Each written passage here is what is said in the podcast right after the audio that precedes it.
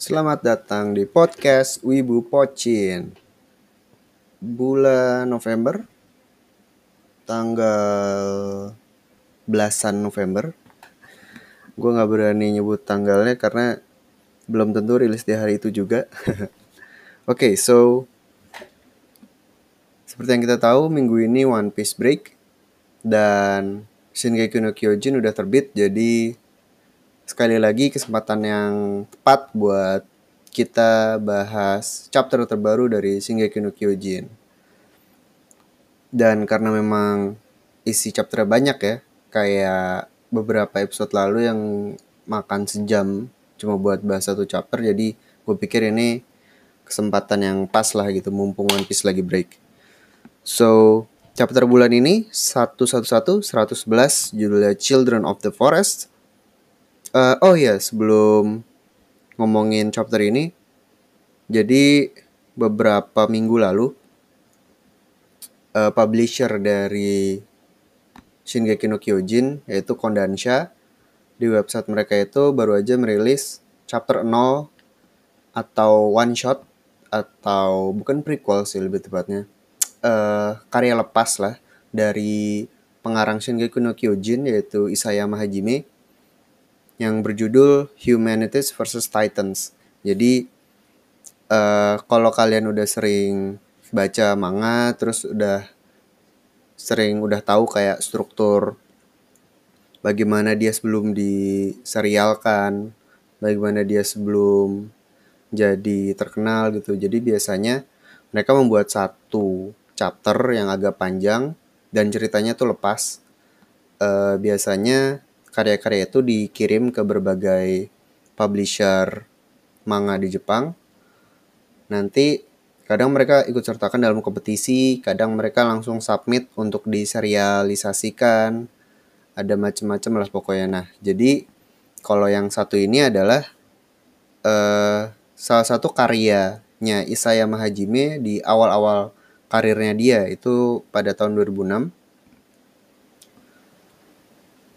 Dan seperti yang gue bilang tadi, judulnya Humanities versus Titans dan ini memang isinya benar-benar cikal bakal dari Shingeki no Kyojin. Jadi nanti gue bakal kasih uh, linknya di description episode ini.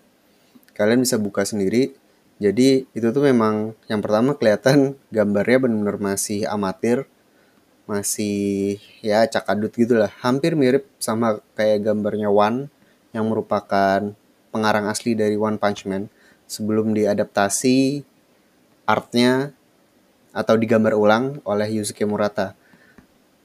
Jadi di cerita itu udah banyak konsep-konsep yang nantinya bakal diangkat ke Shingeki no Kyojin. Jadi kayak konsep uh, manusia melawan Titan, terus konsep negara atau desa yang dikepung oleh uh, dinding tinggi tapi dalam cerita ini bukan dinding tapi pohon gitu, pohon-pohon tinggi.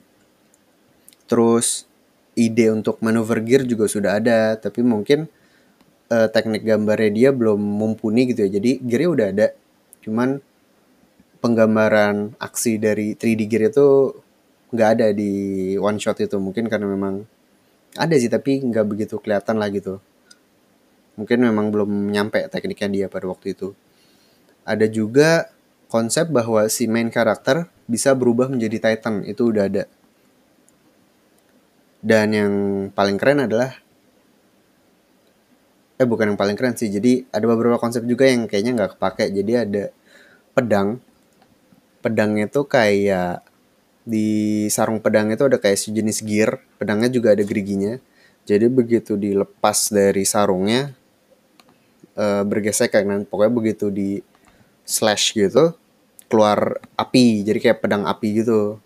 Dan ya seperti yang kita baca di Shingeki no Kyojin nggak nggak pernah ada kan konsep kayak gitu. Tapi mungkin kalau nanti mau dibuat atau disempurnakan mungkin bakal jadi keren. Dan overall uh, ya bu bukan karya yang begitu hebat sih tapi sengaja kita jadi tahu lah uh, asal unsur inspirasinya Shingeki no Kyojin tuh dari mana. Tapi yang menurut gue paling keren adalah di one shot ini ada karakter yang sangat mirip dengan Gabi. Gabi yang kita tahu adalah uh, tentara Marley, si bocah tengik itu.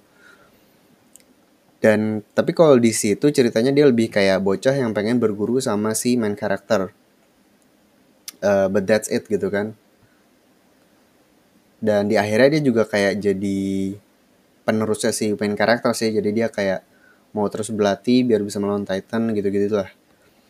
Nah, gue penasarannya apakah uh, Gabi yang di Shingeki no Kyojin akan mengalami nasib yang sama seperti si Gabi di one shot itu.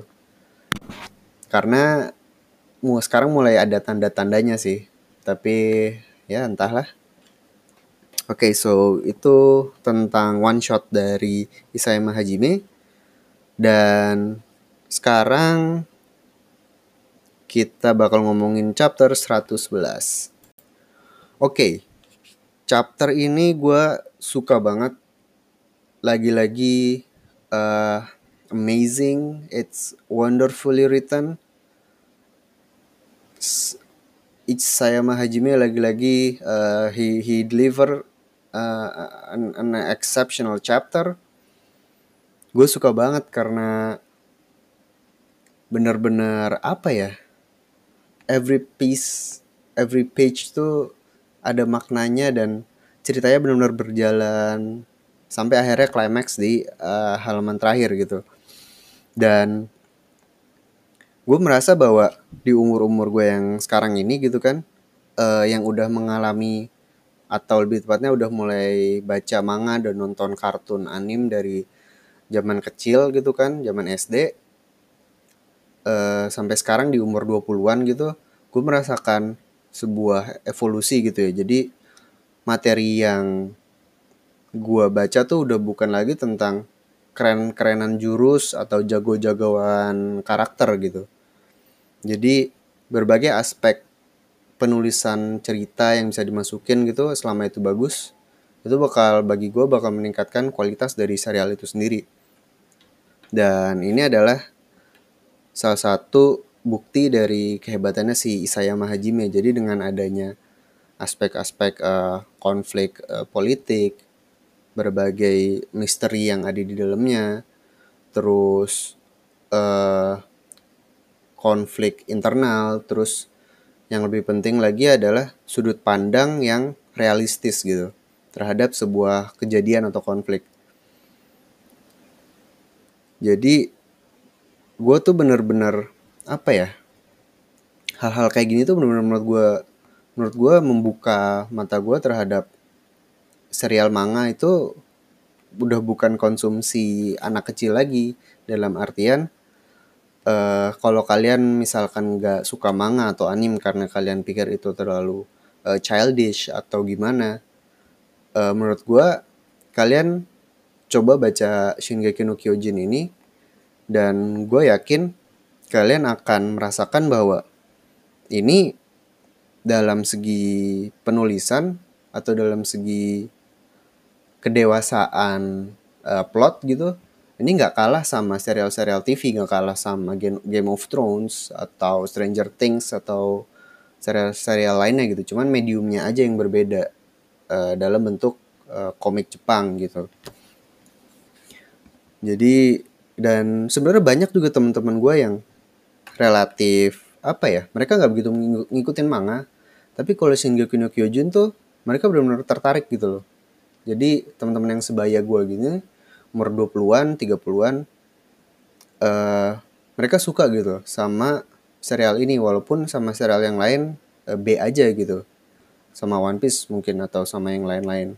Jadi memang bagi gue serial ini punya uh, audiensnya tersendiri gitu. Dan kalau kalian yang merasa masih merasa skeptis gitu kan terhadap manga atau anim menurut gue eh, patut dicoba Shingeki no Kyojin karena memang it's it's pretty complex gitu kan dan nanti kalian bakal ngerasain sendiri bahwa ini memang serial yang bisa dinikmati oleh orang-orang seumuran kalian gitu. Oke, okay, so tapi ini bukan jadinya gue jadi apa ya menjadi pretentious atau elitis gitu yang merasa bahwa semua manga harus mengikuti uh, langkah Isayama Hajime gitu kan dalam bagaimana cara membuat atau menulis sebuah serial manga? Uh, enggak juga gitu. Uh, to each their own gitu kan. Gue masih suka yang shonen shonen standar gue masih suka yang menghibur yang simply menghibur aja gitu kan. Uh, bukan berarti setiap series harus jadi kayak gini nambah-nambah uh, unsur politik atau apalah gitu. Uh, lagian juga masih banyak kok serial lain yang jauh lebih deep, yang jauh lebih uh, filosofis, lebih mentackle isu-isu yang real dan dewasa selain uh, Shingeki no Kyojin ini dan gue belum tentu suka gitu. Karena kalau mungkin kalau ter terlalu serius gue nggak gue nggak gue belum bisa sih. Karena bagi gue tetap manga adalah uh, sumber entertainment. Jadi kalau anggaplah kalian sukanya tuh serial TV eh, atau film gitu. Bagi gue sumber utama oh atau novel gitu. Bagi gue sumber utama dari entertainment adalah dari manga. Dan anim khususnya manga sih. Jadi ya kayak gitu. Oke. Okay uh, oh ya chapter ini lupa kan? Chapter ini gue suka banget karena dia tuh bener-bener kayak menggiring kita ke titik A gitu seakan-akan menggiring kita di titik A tapi di panel terakhir itu semua langsung dibanting dibanting ke titik yang berlawanan langsung membuka uh, plot yang baru mengungkap cerita yang baru mengungkap misteri yang udah lama pengen kita tahu gitu kan. Jadi tuh rasanya kayak waktu kecil gitu kan dibawa sama bokap uh, mau ke mana kita? Uh, mau ke mall mall mall. Jalan ke mall. Buat namanya kecil nggak tahu jalan kan.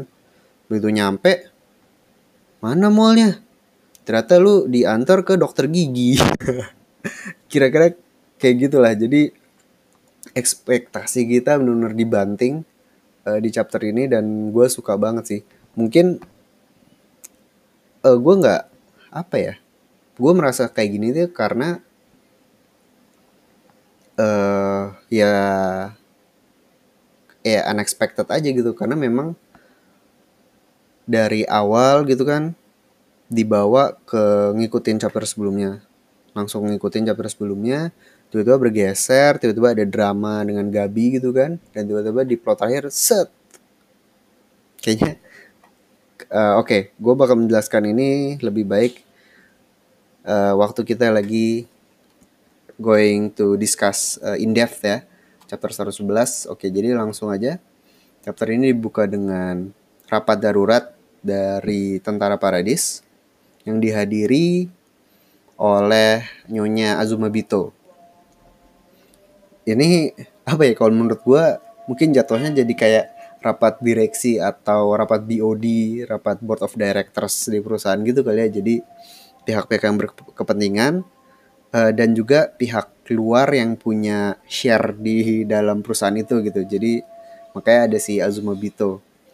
Uh, isi dari rapat ini tentu aja membahas gerakan atau pemberontakan dari si Eren ini juga dengan dibentuknya geser alias gerakan separatis Eren seperti yang udah gue declare di pembahasan chapter 110 gitu.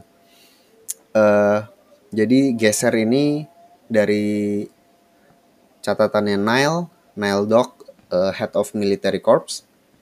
Ada 100 orang termasuk si Floch uh, yang kabur dari penjara bersama Eren gitu. Di saat yang bersamaan dengan Eren kabur gitu. Tapi 100 orang itu pun yang kabur. Padahal kita tahu masih ada anggota-anggota geser yang masih bersembunyi di dalam militer paradis. Entah itu di survei corps militer atau garrison. Nah uh, ngomong oh iya ngomong geser gue I still stand by my point bahwa ini adalah gerakan separatis Eren bukan gerakan separatis uh, Jaeger seperti yang mereka bilang gitu kan. Jadi kayak uh, Jaeger faction atau Jaegerist gitu. Karena seperti yang Hanji juga bilang uh, si bocah-bocah labil ini si para pengikut Eren ini they simply follow Eren who in turn trust Zeke. Jadi menurut gue mereka sendiri juga nggak nggak ada yang memuja Zeke gitu, nggak ada yang nggak ada yang pengen Zeke jadi pemimpin. Jadi uh, they simply follow Eren karena bagi mereka mereka kan orang-orang paradis bagi mereka Eren adalah the one true leader gitu loh. Jadi maka dari itu gue masih teguh uh, yakin bahwa ini tuh simply hanya pengikutnya Eren doang. Cuman ya kebetulan Eren ingin bekerja sama dengan Zik gitu. Kira-kira kayak gitulah. Oke, okay, so seperti biasa military corps bertingkah cukup uh, bangsat. Uh, selalu berusaha uh, you know shift the blame or or put the blame to the survey corps. They always did that since the beginning of the series. Dan tokoh yang kali ini apa ya menunjukkan hal itu itu adalah si Rogue yang abis gue cari-cari di wiki wikianya memang ternyata baru muncul di arc Marley ini. Dia baru debutnya tuh di chapter 108 jadi emang belum lama masih kisaran 5-6 bulan gitu penampilan pertama dia. Dan ini sekali lagi menunjukkan bahwa uh, si Isayama Hajime memang gak mau menyentuh si head of the military corps yaitu si Nile Dog karena dalam cerita-cerita sebelumnya si Nile ini memang sikapnya relatif netral gitu malah kadang-kadang membantu survei corps gitu. Uh, ditambah lagi ada background story-nya bahwa dia adalah teman dekat dari uh, Erwin. Cuman memang agak aneh sih jadi dia bahkan nggak tahu tentang squad uh, yang anti human squad itu yang dipimpin oleh Kenny uh, dia juga nggak tahu kalau ada yang namanya uh, first interior squad yaitu squad yang di order ordernya tuh benar-benar directly under uh, the king dan Nel itu nggak punya kontrol apa pun uh, over mereka gitu. Jadi sampai saat ini si Nile ini emang agak aneh sih. Jadi kayak oke okay, uh, lu boleh apa ya nggak sejahat anak buah lu. Tapi kenapa membiarkan anak buah lu menjadi liar kayak gini gitu? Apalagi si Rogue ini yang sangat-sangat nyebelin. Jadi tentu saja mereka uh, gara-gara si Rogue ini Survey Corps dan Military Corps terlibat dalam sebuah uh, debat gitu kan di mana military corps uh, menuduh bahwa semua anggota survei corps merupakan bagian dari faksi dari geser. Sedangkan uh, Hanji juga menuduh military corps yang pengen mencari suksesor uh, founder Titan Attack Titan tanpa sepengetahuan Eren dan Survey Corps gitu. Untungnya sebelum debatnya menjadi lebih uh, kacau gitu Commander Pixis datang uh, masuk ruangan gitu. Dia menenangkan suasana. Dia juga mengingatkan bahwa uh, sekarang lagi ada tamu yaitu si Miss Azumabito dan dengan cepat Pixis uh, assess the situation dan dia meminta Hanji yang bertanggung jawab atas lokasi persembunyian Zik, juga Nile yang bertanggung jawab atas lokasi tempat tinggal uh, Historia selama dia hamil gitu kan dan meminta mereka untuk mengamankan mereka secepatnya karena menurut dia Eren pasti akan mengincar satu dari kedua orang ini. Kayak gitu dan perlu di uh, diingat gitu atau dicatat bahwa Pixis ini chapter kemarin dia masih berdiskusi atau menginterogasi lebih tepatnya si Yelena. Jadi kalau kita lihat mestinya ini karena memang uh, timeline-nya maju gitu kan flow time-nya maju jadi mestinya Pixis berada di ruangan meeting ini itu adalah setelah dia meeting atau menginterogasi Yelena jadi mestinya hasil interogasinya sudah ada. Uh, entah lanjutannya apakah Yelena tetap dibiarkan di rumah tahanannya atau mungkin dibawa atau ditangkap gitu atau dibiarkan aja entahlah. Dan menurut gue sih ini adalah salah satu bagian yang sengaja disamarkan oleh uh, Isayama Hajime karena dari tindakan Pixie sendiri jadi setelah dia menenangkan situasi dan memberikan komando dan juga Armin yang menjelaskan bahwa sekarang Commander Pixis lah yang posisinya paling tinggi gitu atau lebih tepat dia lah yang paling berhak buat untuk sementara menggantikan Commander Zekli. Uh, jadi anehnya kan keputusan keputusan dia adalah untuk uh, menyerah dalam tanda kutip kepada Eren gitu. Uh, dia nggak pengen mengkonfrontasi si geser ini dengan secara langsung dengan alasan tidak mau ada pertumpahan darah yang sia-sia. Uh, which is masuk akal gitu, tapi apakah di balik ucapannya uh, Pixis ini apakah benar-benar murni dari dia? Apakah somehow ini adalah hasil dari pertemuan dia dengan Yelena gitu? Apakah Yelena telah mengatakan sesuatu kepada Pixis yang akhirnya membuat dia berkata seperti ini kepada uh, militer paradis? Itu menurut gue patut dipertanyakan sih. Dan semoga nanti memang ada hubungannya gitu.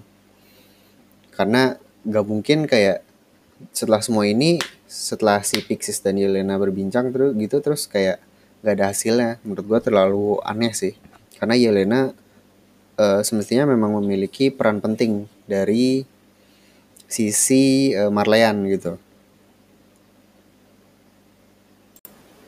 Tapi Pixis tetap uh, berhasil membangkitkan semangat juang para pasukan paradis dengan mengatakan bahwa tidak ada artinya kita bertindak dengan dasar balas dendam atas kematian Zekli. Kita harus berjuang demi untuk keberlangsungan dari rakyat paradis. Jadi eh, nggak uh, ada artinya untuk kita membalaskan dendam kepada Eren. Yang penting kita menyelesaikan semua konflik ini dan bersatu sebelum serangan dari Marley dan seluruh dunia datang. Jadi dengan itu dia berhasil menyatukan seluruh pasukan dan at least untuk sekarang uh, komando semua ada di Pixis dan Seenggaknya sih yang diperlihatkan adalah ya so far he's good gitu lah. Terus sebelum mereka bubar, si Miss Azuma Bito memanggil Mikasa dan dia bilang kalau ada apa-apa uh, bilang aja nanti bakal kita lindungi. Dan kalau ada apa-apa lebih baik kamu uh, gabung sama kita aja balik ke Hizuru. Terus si Mikasa ya tentu saja menolak gitu kan dan udah ditambah lagi Mikasa berhasil menebak niat asli dari Azuma Bito yaitu niat mereka untuk menguasai si Bluestone itu gue lupa namanya. Pokoknya sumber alam yang cuma ada di Paradis yang diincar oleh Azuma Bito uh, tentunya untuk menambah pundi-pundi kekayaan mereka gitu dan Azuma Bito tertangkap basah tapi pada akhirnya uh, dia sendiri bilang kalau oke okay, fine kita memang dalam keadaan yang buruk terutama finansial gitu. Uh, resource yang ada di Paradis ini merupakan satu-satunya harapan kami gitu. Dan kami juga berharap bahwa si Earth Rumbling Weapon ini merupakan sebuah kesuksesan gitu. Jadi kita bisa tetap aman karena yang mereka lakukan sekarang ini memang beresiko gitu. Dan lebih penting lagi uh, dia bilang bahwa walaupun kita sekarang udah jadi kayak gini, dalam darah kita tetap mengalir uh, keturunan yang sama dan kita bakal tetap melindungi kamu apa pun yang akan terjadi bilang ke Mikasanya gitu uh, nanti gue bakal bahas sedikit sih tentang si Azumabito tapi uh, sebelum itu kita lanjut dulu.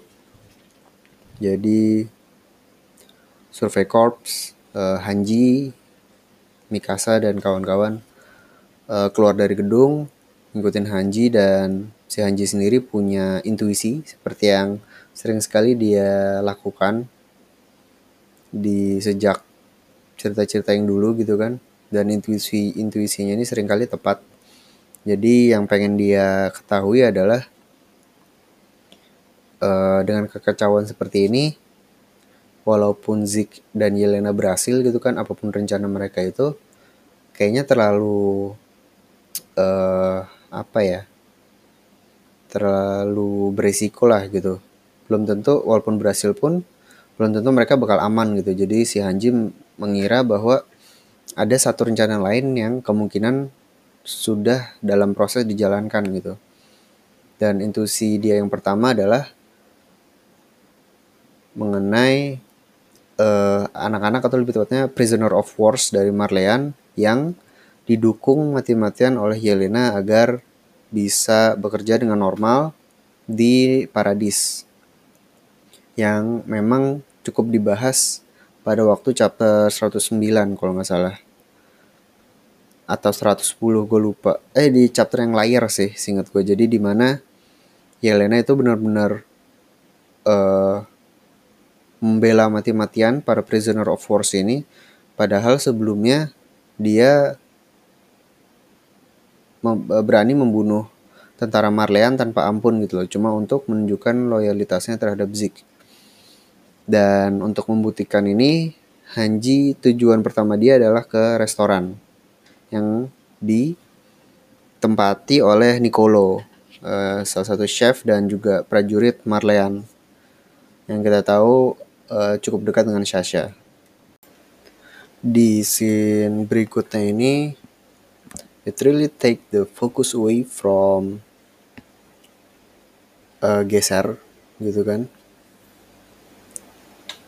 seakan-akan ceritanya benar-benar uh, melenceng sedikit gitu kepada keluarga Braus uh, orang tua dari Sasha juga Gabi dan Falco gitu. Karena memang di chapter kemarin tuh uh, hampir di skip entirely sih. Emang gak ada cerita Gabi dan Falco sama sekali gitu. Jadi gue sempat berpikir oh mungkin chapter ini fokusnya balik ke Gabi lagi gitu. Jadi keluarga Braus berkunjung ke restoran Nicolo karena memang sudah dijanjikan pada waktu pemakamannya Sasha gitu kan bahwa Nicolo akan mentraktir keluarga uh, Braus di restorannya dia gitu kan semua makanannya bakal gratis uh, and that's why uh, bapaknya bapak dan ibunya Sasha bawa semua anak asuhnya gitu. Jadi mereka semua masuk dan Gabi dan Falco ikut. Jadi setelah diyakinkan oleh Kaya bahwa di restoran ini yang bekerja adalah salah satu uh, tentara Marleyan yang sekarang jadi prisoners of war dan dipekerjakan sebagai chef di restoran tersebut uh, Gabi lagi-lagi bukan lagi-lagi ya. Uh, Oke okay, di chapter ini gue bakal menghitung berapa kali Gabi mengatakan hal bodoh, hal hal-hal yang dihasilkan oleh cuci otaknya Marleyan gitu kan. Jadi uh, Gabi shoot counter naik satu untuk chapter ini karena tiba-tiba uh, Gabi marah gitu cuma karena kayak bilang bahwa uh, mungkin Nicolo dan Sasha uh, adalah pasangan gitu. Dilihat dari kedekatan mereka. Terus Gabi yang Marleyan dan Eldian berpasangan.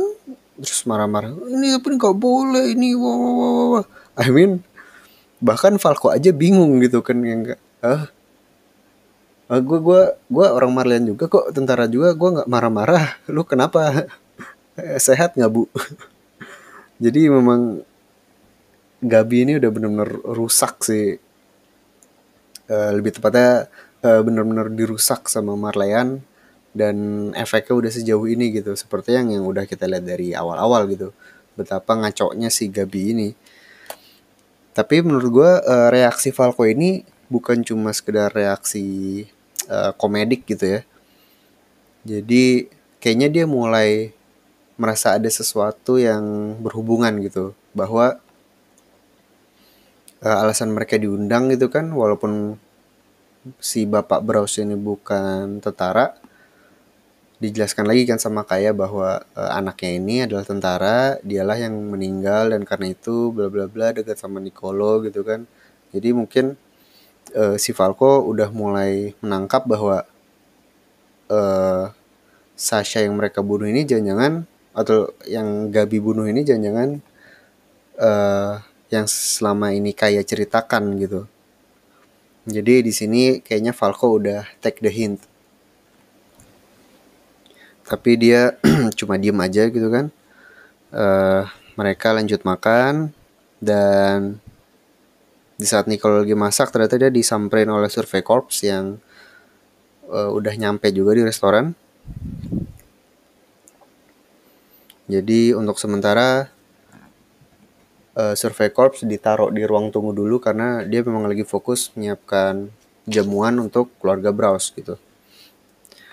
Nah, di ruang tunggu itu si Jan sama Connie nemu kayak wine yang mereka bilang, wah, oh ini kan wine yang digosip-gosipin sama uh, para pejabat militer gitu. Wah ini wine yang enak banget itu ya. Terus kata Connie, eh, eh kita kan pejabat pejabat juga di Survey Corps gitu kan, higher ups bolehlah minta dikit gitu kan. Tiba-tiba si Nicolo marah-marah dan uh, entah kenapa dia sampai-sampai bawa-bawa uh, ucapan rasis gitu ya mungkin kalau bisa dibilang uh, dia bawa-bawa Marleyan dan Eldian gitu. Padahal jelas-jelas keadaannya uh, tidak menguntungkan buat si Nicolo gitu. Cuman ya udah dibiarin sama si Jan wine-nya sendiri berhasil diamankan uh, dia juga langsung cabut ke kayak basement gitu ya wine cellar lah istilahnya. Emang tempat penyimpanan wine kalau nggak salah emang biasanya di basement basement gitu kan. Ya ke basement dan di saat yang bersamaan uh, Gabi dan Falco melihat si Nicolo balik jadinya dia juga mereka ngikut gitu. Karena emang tujuannya mau ketemu sama si Nicolo kan jadi ketemulah mereka Gabi, Falco dan Nicolo. Di sini Gabi dan Falco langsung mengaku bahwa mereka orang Marleyan dan mereka ya meminta pertolongan lah atau perlindungan dari si Nicolo ini. Karena sama-sama Marleyan kan? Uh, ngomong-ngomong jadi sebelum melanjutkan nih percakapan mereka ngomong-ngomong si wine ini jadi Jan si Jan kan udah bilang nih uh, wine ini yang minum adalah uh, pejabat level-level tinggi gitu di militer, terutama di military corps. Dan ternyata wine ini sendiri sudah pernah muncul pada chapter 108. Di pembukaan chapter 108 yang isinya adalah meeting dari beberapa anggota military corps. Ada Nile di situ, ada juga si Rogue. Nah, saat mereka lagi minta wine yang baru, itu memang udah confirm sih bahwa memang di restoran itu adalah restoran tempat di mana Nicolo bekerja dan dia juga sudah membawa wine yang sama persis seperti yang muncul di chapter ini. Jadi ini memang sudah dipersiapkan oleh uh, Isayama Hajime dari sejak lama gitu loh. Uh, that that this wine has a meaning gitu. Oke, lanjut lagi uh, beranjak dari wine. Jadi Gabi menjelaskan gitu kan bagaimana mereka bisa sampai ke paradis dan Gabi sheet counter nomor 2. So uh, dengan bangganya Gabi mengatakan bahwa kami berhasil membunuh seorang uh, devil, Eldian devil di sini. Uh, kami berhasil nyampe ke sini setelah membunuh satu orang uh, prajurit mereka dan dan ak dan gue lah yang uh, menembak dia langsung gitu terus si Nicolo tiba-tiba mulai merasa shit jadi dia mencoba mengkonfirm bahwa uh, yang lu bunuh cewek. Yang lu bunuh uh, jadi lu yang bunuh Sasha. Dan si Gabi dengan bodohnya cuma deng malah dia dengan bangga iya iya itu gua. Uh, tenang aja. Gua udah menghabiskan nyawa beberapa devil di sini. Udah lu tenang aja kita bakal nanti kita bakal ditolongin oleh Marlian dan tentara-tentara yang lain. Tapi tentu saja Gabi sangat bodoh dia tidak what the fuck man. Uh, bahkan di situ Falco udah sadar dan berusaha uh, menghentikan Gabi karena dia udah tahu bahwa ini adalah bahwa si Sasha ini adalah uh, orang yang dimaksud oleh Kaya. Ini juga orang yang diceritakan ya orang yang dimaksud uh, dekat dengan Nicolo gitu. Dan tentu aja karena pengakuan terang-terangan ini Nicolo langsung marah. Dia langsung marah dan dia menggenggam apa aja yang ada di sebelahnya. Kebetulan itu adalah botol wine yang pengen dia simpan dan just like that uh, he tried to hit Gabi. Tapi sayangnya Sekali lagi Gabi dilindungi oleh plot armor, kali ini berwujud Falco. Jadi Falco dengan heroiknya melindungi Gabi dan akhirnya malah dia yang kena pukul botol wine tersebut dan langsung pingsan. Untungnya Nicolo tidak berhenti di situ saja.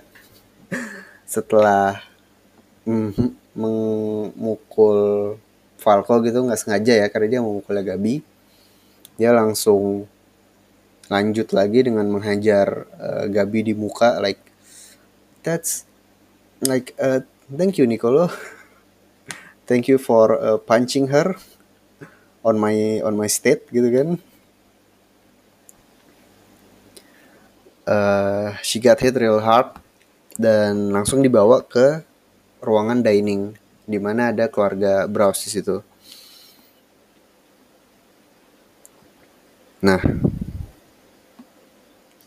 Nicolo dengan sebilah pisau dia membawa Falco dan Gabi serta mengatakan kepada Mr. dan Mrs. Browse bahwa ini kedua anak ini adalah yang mereka lah yang telah membunuh anak kalian.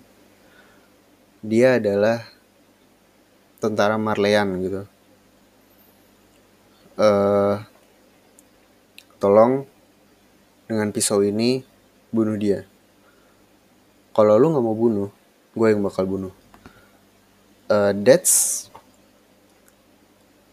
dari sisi apa ya orang yang penuh dendam gitu uh, I think he's quite thoughtful gitu. Jadi bahwa dia bukan cuma main hakim sendiri gitu kan dia memberikan kesempatan bahwa or memberikan kesempatan kepada orang yang dianggapnya lebih uh, pantas untuk balas dendam gitu kan yaitu orang tuanya langsung. Jadi Nicole ini memang bukan cuma sekedar uh, cinta buta gitu lah sama Sasha his dari niatnya bisa dibilang he's a good guy gitu walaupun ya jahat juga sih uh, membunuh orang tiba-tiba gitu kan uh, mendengar keributan ini Survey Corps keluar dari ruang tunggunya dan langsung ke uh, ruang dining juga ikutan. Jadi di sini Nicolo cuma ingin menjelaskan bahwa gue nggak ada hubungan sama mereka. Gue cuma pengen membalaskan dendam Sasha gitu. Di situ dia menjelaskan bahwa Sasha adalah orang yang telah menyelamatkan dia dari perang ini gitu kan secara secara bukan secara harfiah ya, tapi dengan cara dia menunjukkan bahwa purpose dia atau cara dia untuk melanjutkan hidup adalah dengan memasak gitu membuat makanan yang bisa membuat orang bahagia. Seperti dia membuat bahagia Sasha. Ya, walaupun Sasha dikasih makan enak, itu langsung bahagia sih otomatis gitu. Tapi panel yang menggambarkan Sasha makan pizza itu it's it's good it's a good one uh, menggambarkan betapa bahagianya Sasha gitu kan dan betapa bahagianya Nicolo yang membuat makanan untuk Sasha gitu kan dan despite all of that our Gabi sheet counter kembali bertambah.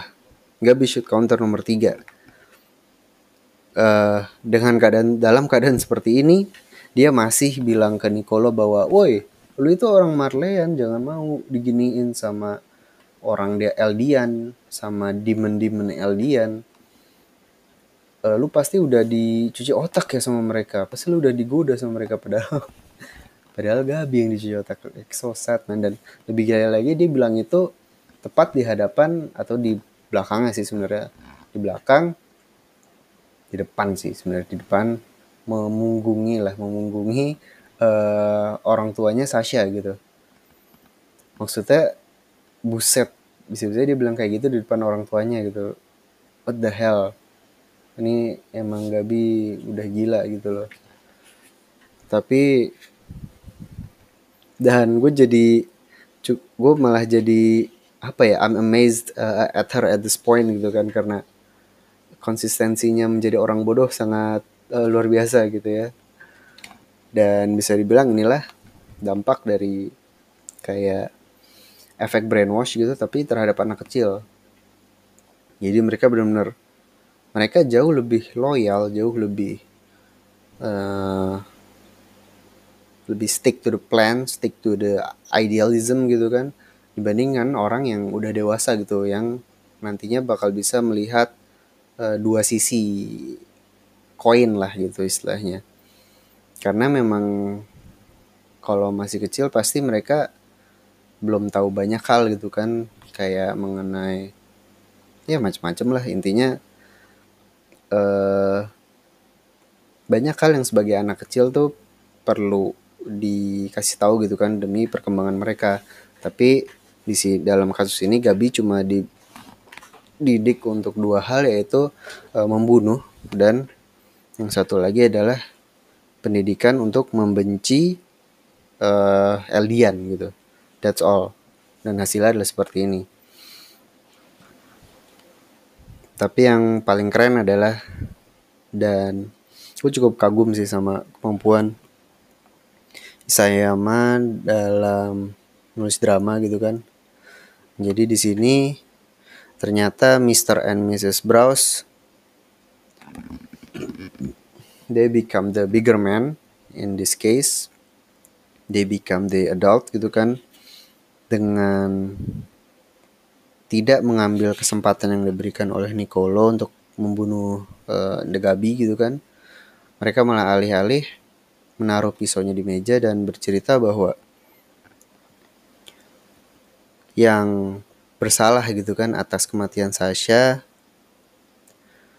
bukan tentara Marleyan, bukan tentara Eldian, tapi adalah salah mereka sendiri.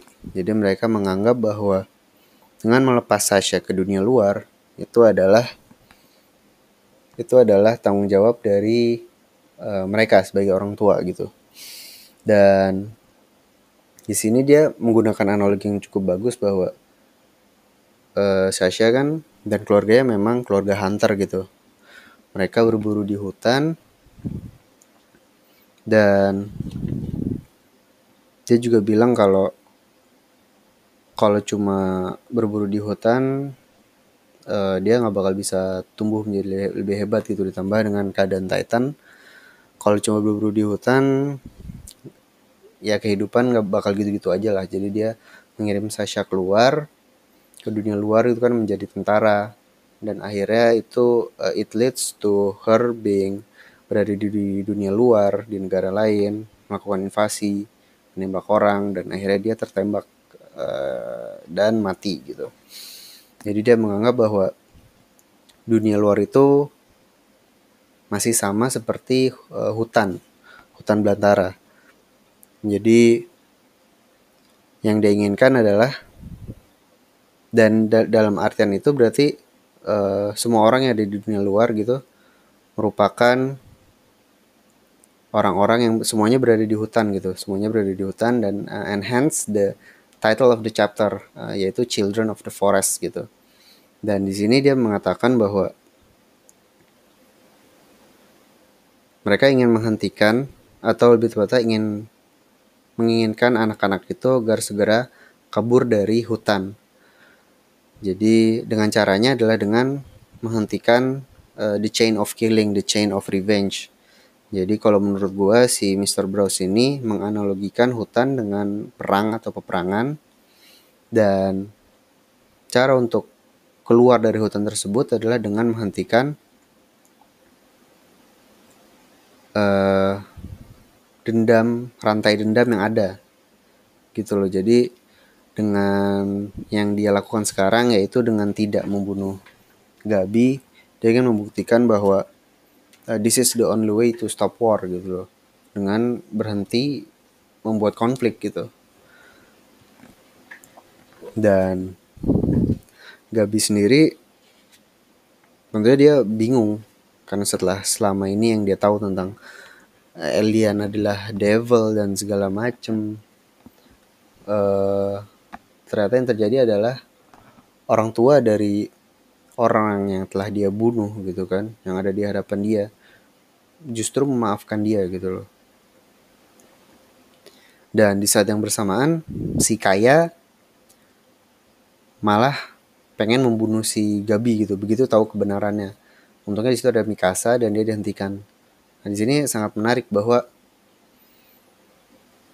uh, kaya yang awalnya menolong mereka gitu kan dan begitu walaupun mereka tahu mereka itu Marleyan uh, tetap dibantuin. Tapi begitu dia tahu kebenarannya maksudnya dia tahu bahwa Marleyan adalah orang yang telah membunuh uh, kakaknya yaitu Sasha tapi dia baru tahu bahwa literally orang inilah yang mengambil nyawanya si Sasha gitu loh. Dan dengan itu dia langsung berubah jadi marah. Jadi walaupun hingga detik terakhir itu masih ibarat kata dia masih menolongin kan. Nolongin Gabi dan Falco untuk ketemu Sinkolo gitu kan. Tapi sekarang dia malah pengen membunuh si Gabi dengan penuh amarah gitu kan dan itu pasti membuat Gabi sangat bingung gitu loh kayak jadi gue ini apa sebenarnya dan ini emang kelihatan sih sebagai dia emang di build up untuk mengalami sebuah uh, redemption gitu kan. Cuman apakah bentuknya seperti apa kita masih belum tahu. Apakah dia bakal nanti menjadi the hero of Marleyan atau malah hero of Eldian mungkin? Apakah dia bakal menghentikan rantai pembunuhan ini, peperangan ini? Atau justru ada poin lain yang ingin disampaikan oleh uh, Isaya Mahajime gitu. Misalkan bahwa uh, keadaan apa pun kalau misalkan lu udah di brainwash lu bakal tetap your core gak bakal shaken gitu loh ada kemungkinan bahwa nanti mungkin ada cerita gitu kan di mana Gabi diperlihatkan udah menjadi baik gitu kan. Cuman Indian dia tetap melakukan apa yang sudah diprogram kepadanya gitu. Yaitu untuk menjadi tentara Marleyan gitu. Itu that's one of the possibilities gitu kan. But ya kita lihat nanti apakah Gabi akan berubah atau gimana. Karena ada yang lebih penting yaitu our poor boy poor boy Falco. So the drama is over. And it's time for real shit you know. Bahwa Nicolo uh, tiba-tiba bilang ke Hanji bahwa uh, itu wine yang ada di Falco tolong dibersihin. Gue takut ada yang masuk ke mulutnya gitu kan. Terus si Anji langsung emangnya ada apa di wine itu? Dan the big reveal is here ternyata wine wine yang dia pegang itu berisi cairan tulang belakang dari Zik. Spinal to fluid of Zik. And ini gila banget men. Inilah yang gue bilang dengan kenapa gue suka banget sama chapter ini. Yaitu karena dengan analogi mall dan dokter gigi tadi bahwa dramanya Gabi ini, dramanya Gabi dan keluarga Sasha serta Nicolo gitu, gue pikir akan menjadi fokus dari chapter ini. Jadi walaupun tujuan dari Hanji memang mencari tahu tujuan utama dari Zik gitu kan, uh, dengan adanya drama Gabi dan Nicolo serta keluarga Sasha, itu gue merasa gue sedang dibawa ke mall. Dalam artian uh, seakan-akan ceritanya memang mau mengarah ke situ. Tapi dengan satu halaman terakhir, it's so simple. Cuma dengan satu kalimat Nicolo, tiba-tiba semuanya langsung kebanting dan gue langsung holy shit man. Ternyata uh, Isayama Hajime ada maksud lain dan kerennya ini adalah uh, dalam chapter ini berarti kalau bagi gue ya Isayama Hajime itu telah berhasil menceritakan dua plot dalam satu chapter. Dua plot sekaligus dalam satu chapter gitu. Karena implikasi dari wine-nya berisi cairan tulang belakang Zik bagi gue itu impactnya sangat besar dan kita bisa trace back ke 3, 4, 5 chapter ke belakang dan itu mengungkap sangat banyak hal gitu loh yang yang worth uh, isi sebuah chapter sendiri gitu. Jadi dengan reveal sesimpel itu gitu kan, kalau bagi gue sih itu udah worth satu chapter buat gue. Dan kenapa begitu? Uh, bakal kita bahas nih. Jadi gini ya. Seperti yang kita tahu, selama ini uh, spinal fluid sudah sering digunakan di cerita Shingeki no Kyojin yang di awal-awal tentunya yaitu itu tuh waktu uh, uprising, arc uprising di mana serum yang digunakan dimiliki oleh Rotrice itu bisa membuat orang berubah menjadi Titan juga bisa membuat dia memakan orang lain untuk mengambil kekuatan Titannya. Jadi serum itu memang berisi uh, spinal fluid dari orang tertentu. Nah, penggunaan berikutnya yang paling sering adalah yaitu oleh Zik sendiri. Jadi yang pertama itu waktu perang Marleyan dengan negara tetangga di mana e, banyak orang-orang subject of Ymir yang kemungkinan kayaknya sih sipil warga sipil Marleyan yang udah disuntikan dengan spinal fluidnya Zik. Lalu dengan Zik mengactivate uh, his power gitu yang teriak, dia bisa mengubah orang-orang tersebut berubah langsung menjadi Titan.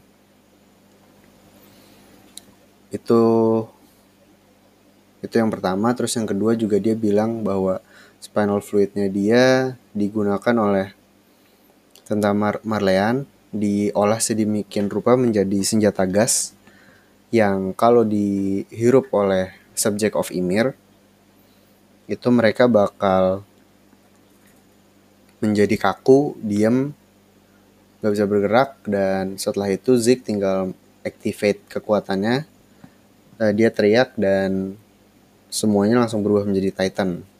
Dan itulah yang terjadi di balik uh, tragedi Ragako yang menimpa ibunya Koni. Terus satu lagi juga tentang spinal fluid yaitu waktu uh, flashbacknya si Owl dan bapaknya Aaron juga flashbacknya Aaron gitu yang mengenai asal usul uh, Attack Titan. Jadi setiap orang yang di banish dari Marleyan itu kan dibuang ke paradis sebenarnya. Dibuang ke paradis sebelum dia dijatuhin ke bawah gitu dari dinding yang tinggi disuntikin dulu sama spinal fluid dan begitu nyampe bawah itu total langsung berubah menjadi menjadi Titan gitu. Dan mereka lah asal usul dari Titan Titan liar yang berada di luar dinding paradis. Jadi uh, impact dari tindakan Nicolo ini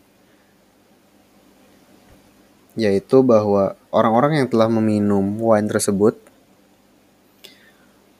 artinya mereka memiliki potensi untuk berubah menjadi Titan liar. Dan karena ini spinal fluidnya Zik, uh, tentu saja aktivasinya adalah dengan uh, kekuatannya Zik yang teriak itu gitu. Jadi bisa dibilang bahwa ini memang rencananya Zik gitu. Bahwa at some point uh, entah kondisinya apa yang belum kita tahu juga dia akan menggunakan kekuatannya untuk mengubah orang-orang yang udah meminum wine tersebut untuk menjadi Titan liar dan membuat kekacauan. Kalau buat gue sendiri sih, gue pikir ini bakal menjadi lebih ke sebuah alat negosiasi dari pihaknya Zik dan Yelena. Jadi di saat mereka mengalami kebuntuan, mereka bakal mereveal hal ini dan e, berusaha menahan pihak, pihak Paradis gitu kan untuk melakukan tindakan sesuka mereka. Jadi mereka bisa mengontrol militer Paradis lah kira-kira kayak gitu. E, atau memang ternyata Zik ini masih berpihak pada Marley. Jadi e, dengan entah timingnya kapan, begitu dia activate his power dan tiba-tiba banyak orang yang menjadi Titan secara tiba-tiba, itu adalah sinyal bagi Marleyan untuk melakukan invasi balik. E, ditambah lagi kan dengan fakta bahwa si Piek udah berhasil melakukan invasi ke e, Paradis. Jadi bukannya nggak mungkin bahwa udah ada beberapa tentara Marleyan lain yang udah ada ya udah berada dalam Paradis juga. Kira-kira kayak gitu.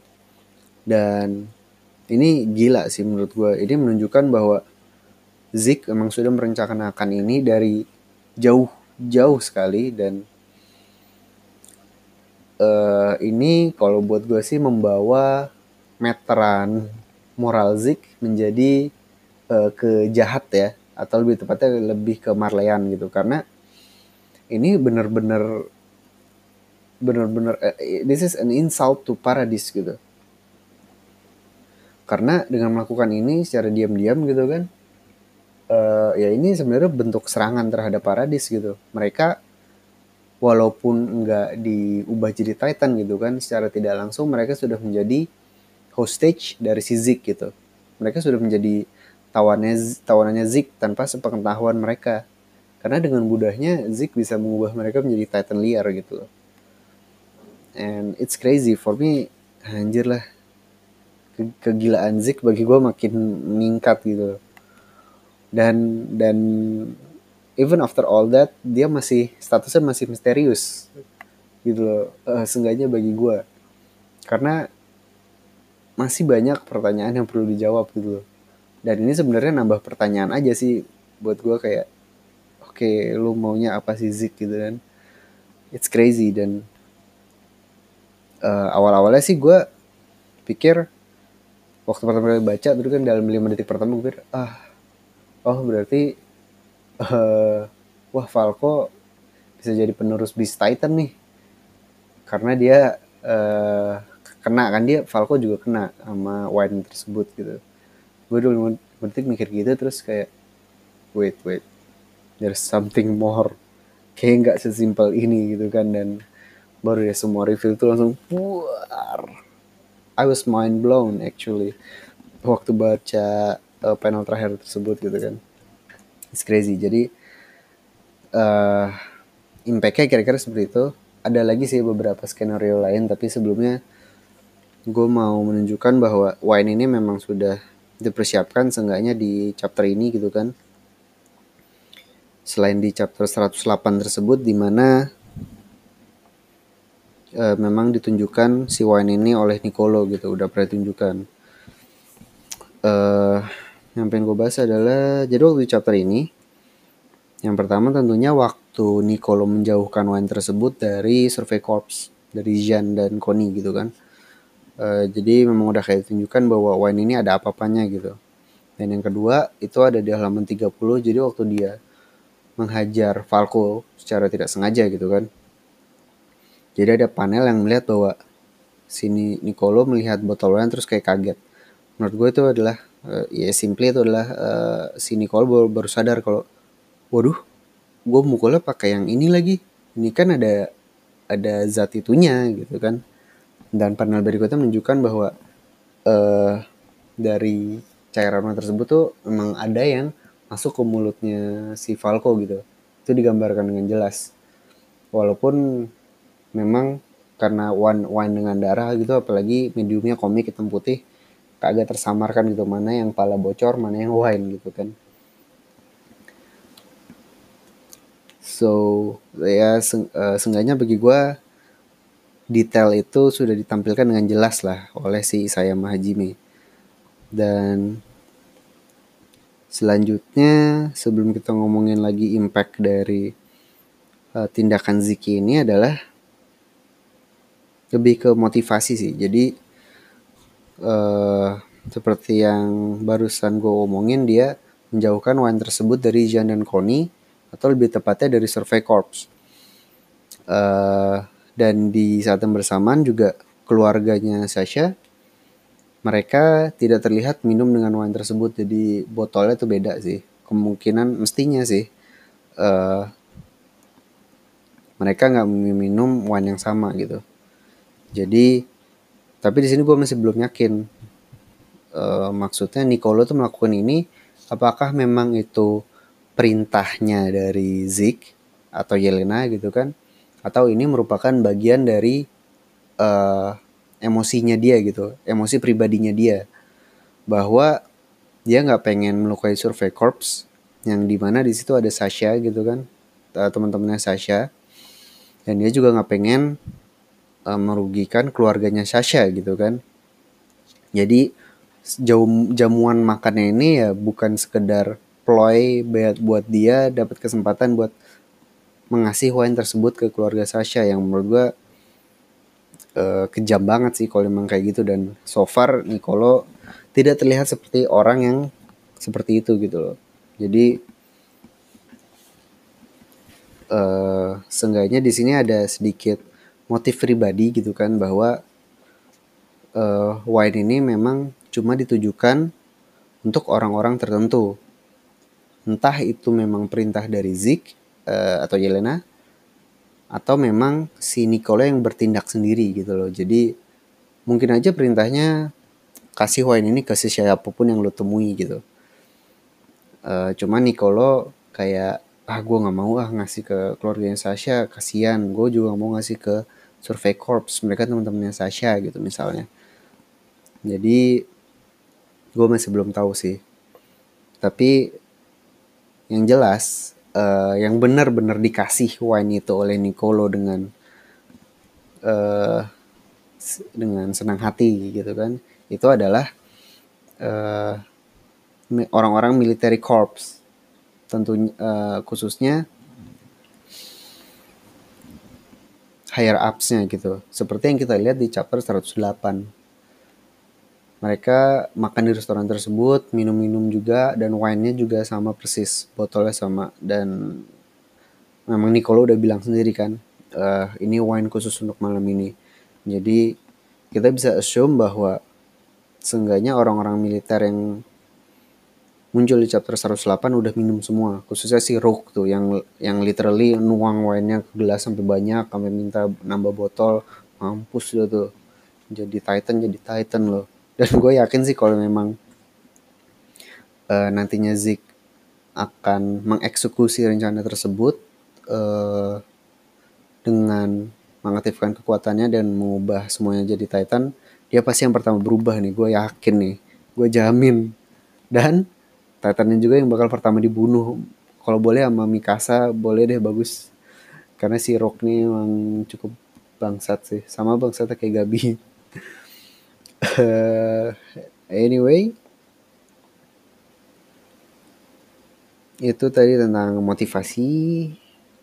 Uh, target juga udah ada. Dan apalagi ya impact kita oh balik ke impact lagi jadi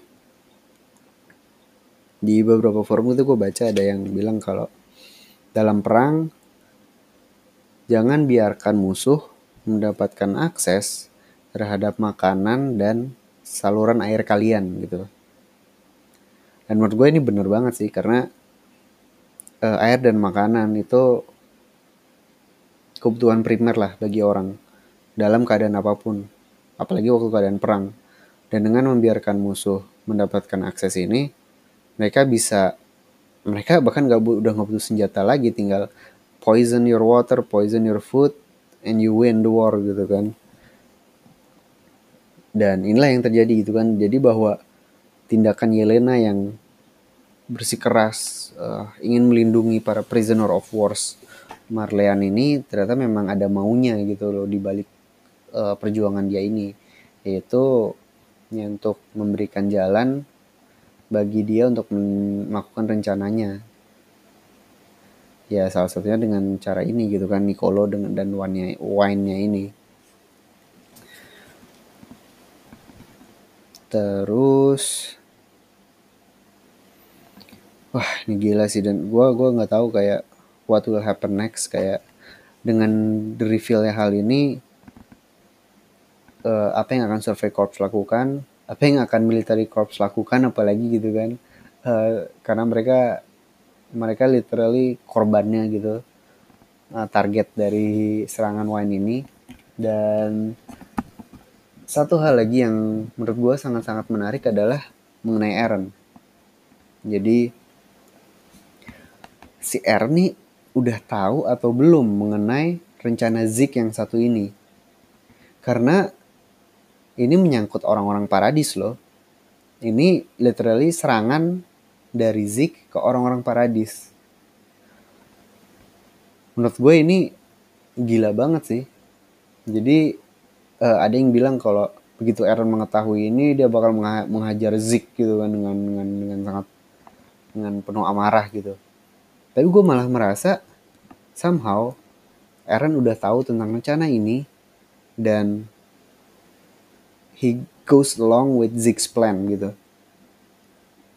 I know it sounds crazy but dengan possibility bahwa Aaron telah berubah menjadi anti-hero atau malah lebih gila lagi dia berubah menjadi antagonis hal ini uh, sangat mungkin gitu loh bahwa rencana Zik ini sudah diketahui oleh Eren sebelumnya uh, tapi mungkin dengan beberapa pertimbangan Eren gitu kan karena memang di beberapa chapter sebelumnya yang waktu dia ditahan dia udah bilang bahwa dia akan rela melakukan apa pun demi untuk melindungi teman-temannya gitu yaitu uh, orang-orang survey corps gitu kan dan historia. Jadi there's a possibility bahwa karena memang kalau misalkan memang yang diincar adalah military corps gitu kan uh, mungkin Eren rela lah atau seenggaknya dia dia maulah melakukan pengorbanan tersebut. Dan bagi gue sih either dia marah atau dia nggak marah dua-duanya sama-sama big surprise big surprise. Karena kalau dia marah kita bisa langsung melihat uh, duel Jaeger Brothers gitu kan Jaeger Bowl yang sebenarnya udah lama dinantikan tapi ternyata nggak kejadian karena uh, waktu di Marley waktu di Marley ternyata malah mereka kerja sama gitu kan. Tapi kalau misalkan enggak juga ya kayak gue bilang tadi it's itu benar-benar sebuah twist gitu kan bahwa kita akhirnya tahu bahwa Aaron ini sudah berubah menjadi jahat gitu loh. Dan and it's and it's crazy gitu loh. Gue benar-benar penasaran sih nantinya bakal gimana begitu di saat mereka bertemu tuh bakal kayak gimana.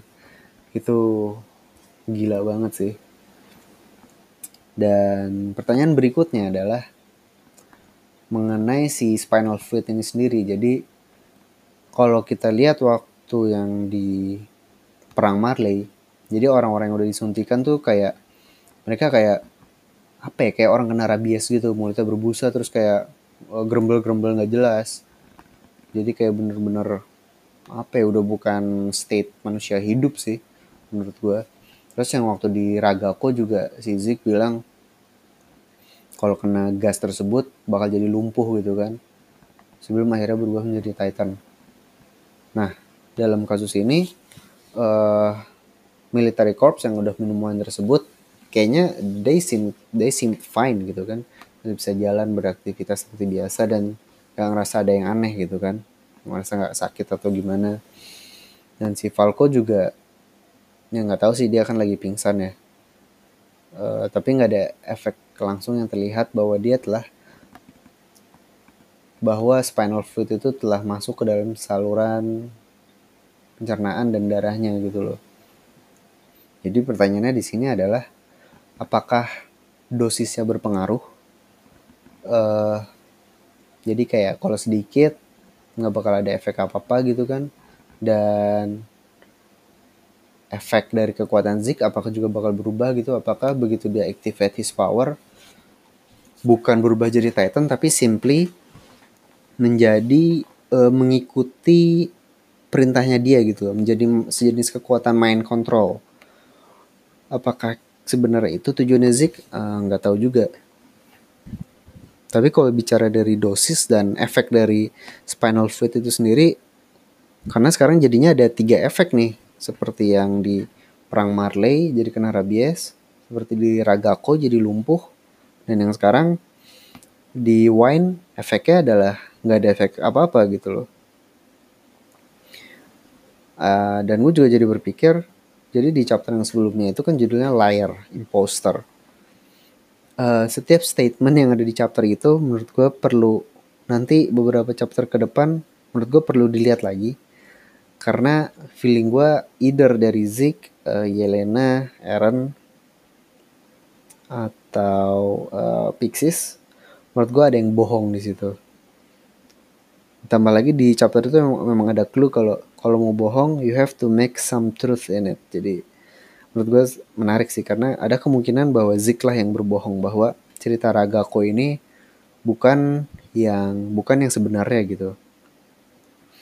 Karena efek dari lumpuh ini ada sedikit kontradiksi dengan yang terjadi sekarang bahwa wine tersebut uh, tidak berdampak apa-apa ke orang-orang military corps dan ke Falco juga gitu loh. Jadi menurut gue sih it's still a big mystery dan masih banyak pertanyaan yang perlu dijawab. Dan kita harus nunggu satu bulan lagi. Ah gila. Desember coy. Chapter terakhir di tahun ini, chapter 112. Wah semoga semoga seru banget ya. Wow. Oke, okay, apa lagi ya? Uh, oh, gue agak ada lupa sih. Udah kejauhan tapi bolehlah. Jadi uh, geser ini anggotanya ada sekitar 100 orang yang udah diketahui tapi masih ada yang bersembunyi kan. Dan sebanyak-banyak yang bersembunyi lah let's say jumlahnya sama jadi mereka ada 200 orang. Padahal uh, survei corp sendiri totalnya ada 300 orang itu dari Wikia gue lihatnya 300 orang. Oke lah dikurangin 100 orang dari geser gitu jadi tinggal 200 tapi garrison sendiri mereka punya 10.000 orang anggotanya dan military police sendiri military corps sorry mereka punya 2000 orang. Jadi dari jumlah pun mereka kalah banget kalah jumlah banget gitu loh si geser ini. Jadi gue pikir kalau mau full fledged war juga bakal susah walaupun mereka punya Eren ya. I mean kalau ada Eren sih itu udah setara dengan 1000 2000 5000 orang mungkin. Paling dengan kekuatan dia yang baru dengan Warhammer Titan. Jadi mungkin 100 orang udah lebih dari cukup. Oke terus huh ada lagi nggak ya? Hmm yeah, I think that's all. Chapter yang gokil banget. And kita tunggu chapter berikutnya di bulan Desember. Mungkin gue bakal tutup dengan sebuah berita bahwa uh, Hollywood sudah greenlit project live action dari film Shingeki no Kyojin ya kalian mendengar berita yang tidak salah bukan hoax bahwa akan ada satu lagi anime yang akan diangkat menjadi film layar lebar oleh Hollywood. Gue gue tak gue gue sebenarnya pengen banget sih ngebahas ini di sebuah segmen spesial gitu kan. Tapi gue pikir gue perlu ada temen ngobrol lah gitu loh. Kalau ngomong ini sendiri kayak kurang pas aja. Ya nanti semoga gue ada kesempatan dan ada temennya yang mau nemenin gue ngobrol gitu tentang hal ini. Tapi uh, khususnya tentang film-film anime yang diangkat menjadi film layar lebar gitu loh. Tapi untuk yang Shingeki no Kyojin ini ada sedikit uh, berita baik gitu bahwa sutradara untuk film ini adalah Andy Muschietti yang merupakan sutradara dari film tahun 2017 film horor yaitu It yang badut Pennywise itu. Filmnya filmnya itu bagus dan it's a good horror film dan I, I think the director did a good job. Jadi gue ada sedikit harapan bahwa si Shingeki no Kyojin versi Hollywood ini bisa lumayan lah gitu. Ditambah lagi kalau memang si directornya mau mencoba approach yang berbeda dan menekankan unsur horor dari dari Shingeki no Kyojin. Karena memang pas banget kalau kita baca chapter-chapter awal kan memang ngeri banget kan uh, teror dari Titan ini yang dengan mudahnya memakan manusia gitu kan. Kalau kayak faktor atau sisi-sisi tersebut lebih diperlihatkan menurut gua dan dieksekusi dengan baik menurut gua bisa jadi film yang keren sih. Uh, tapi ya udah sih lah segitu dulu uh, semoga nanti ada kesempatan buat ngomongin film-film anime layar lebar ini lah ya, live action ini. Oke, okay. terima kasih sudah mendengarkan podcast Wibu Pocin. Tunggu di episode berikutnya. Dah.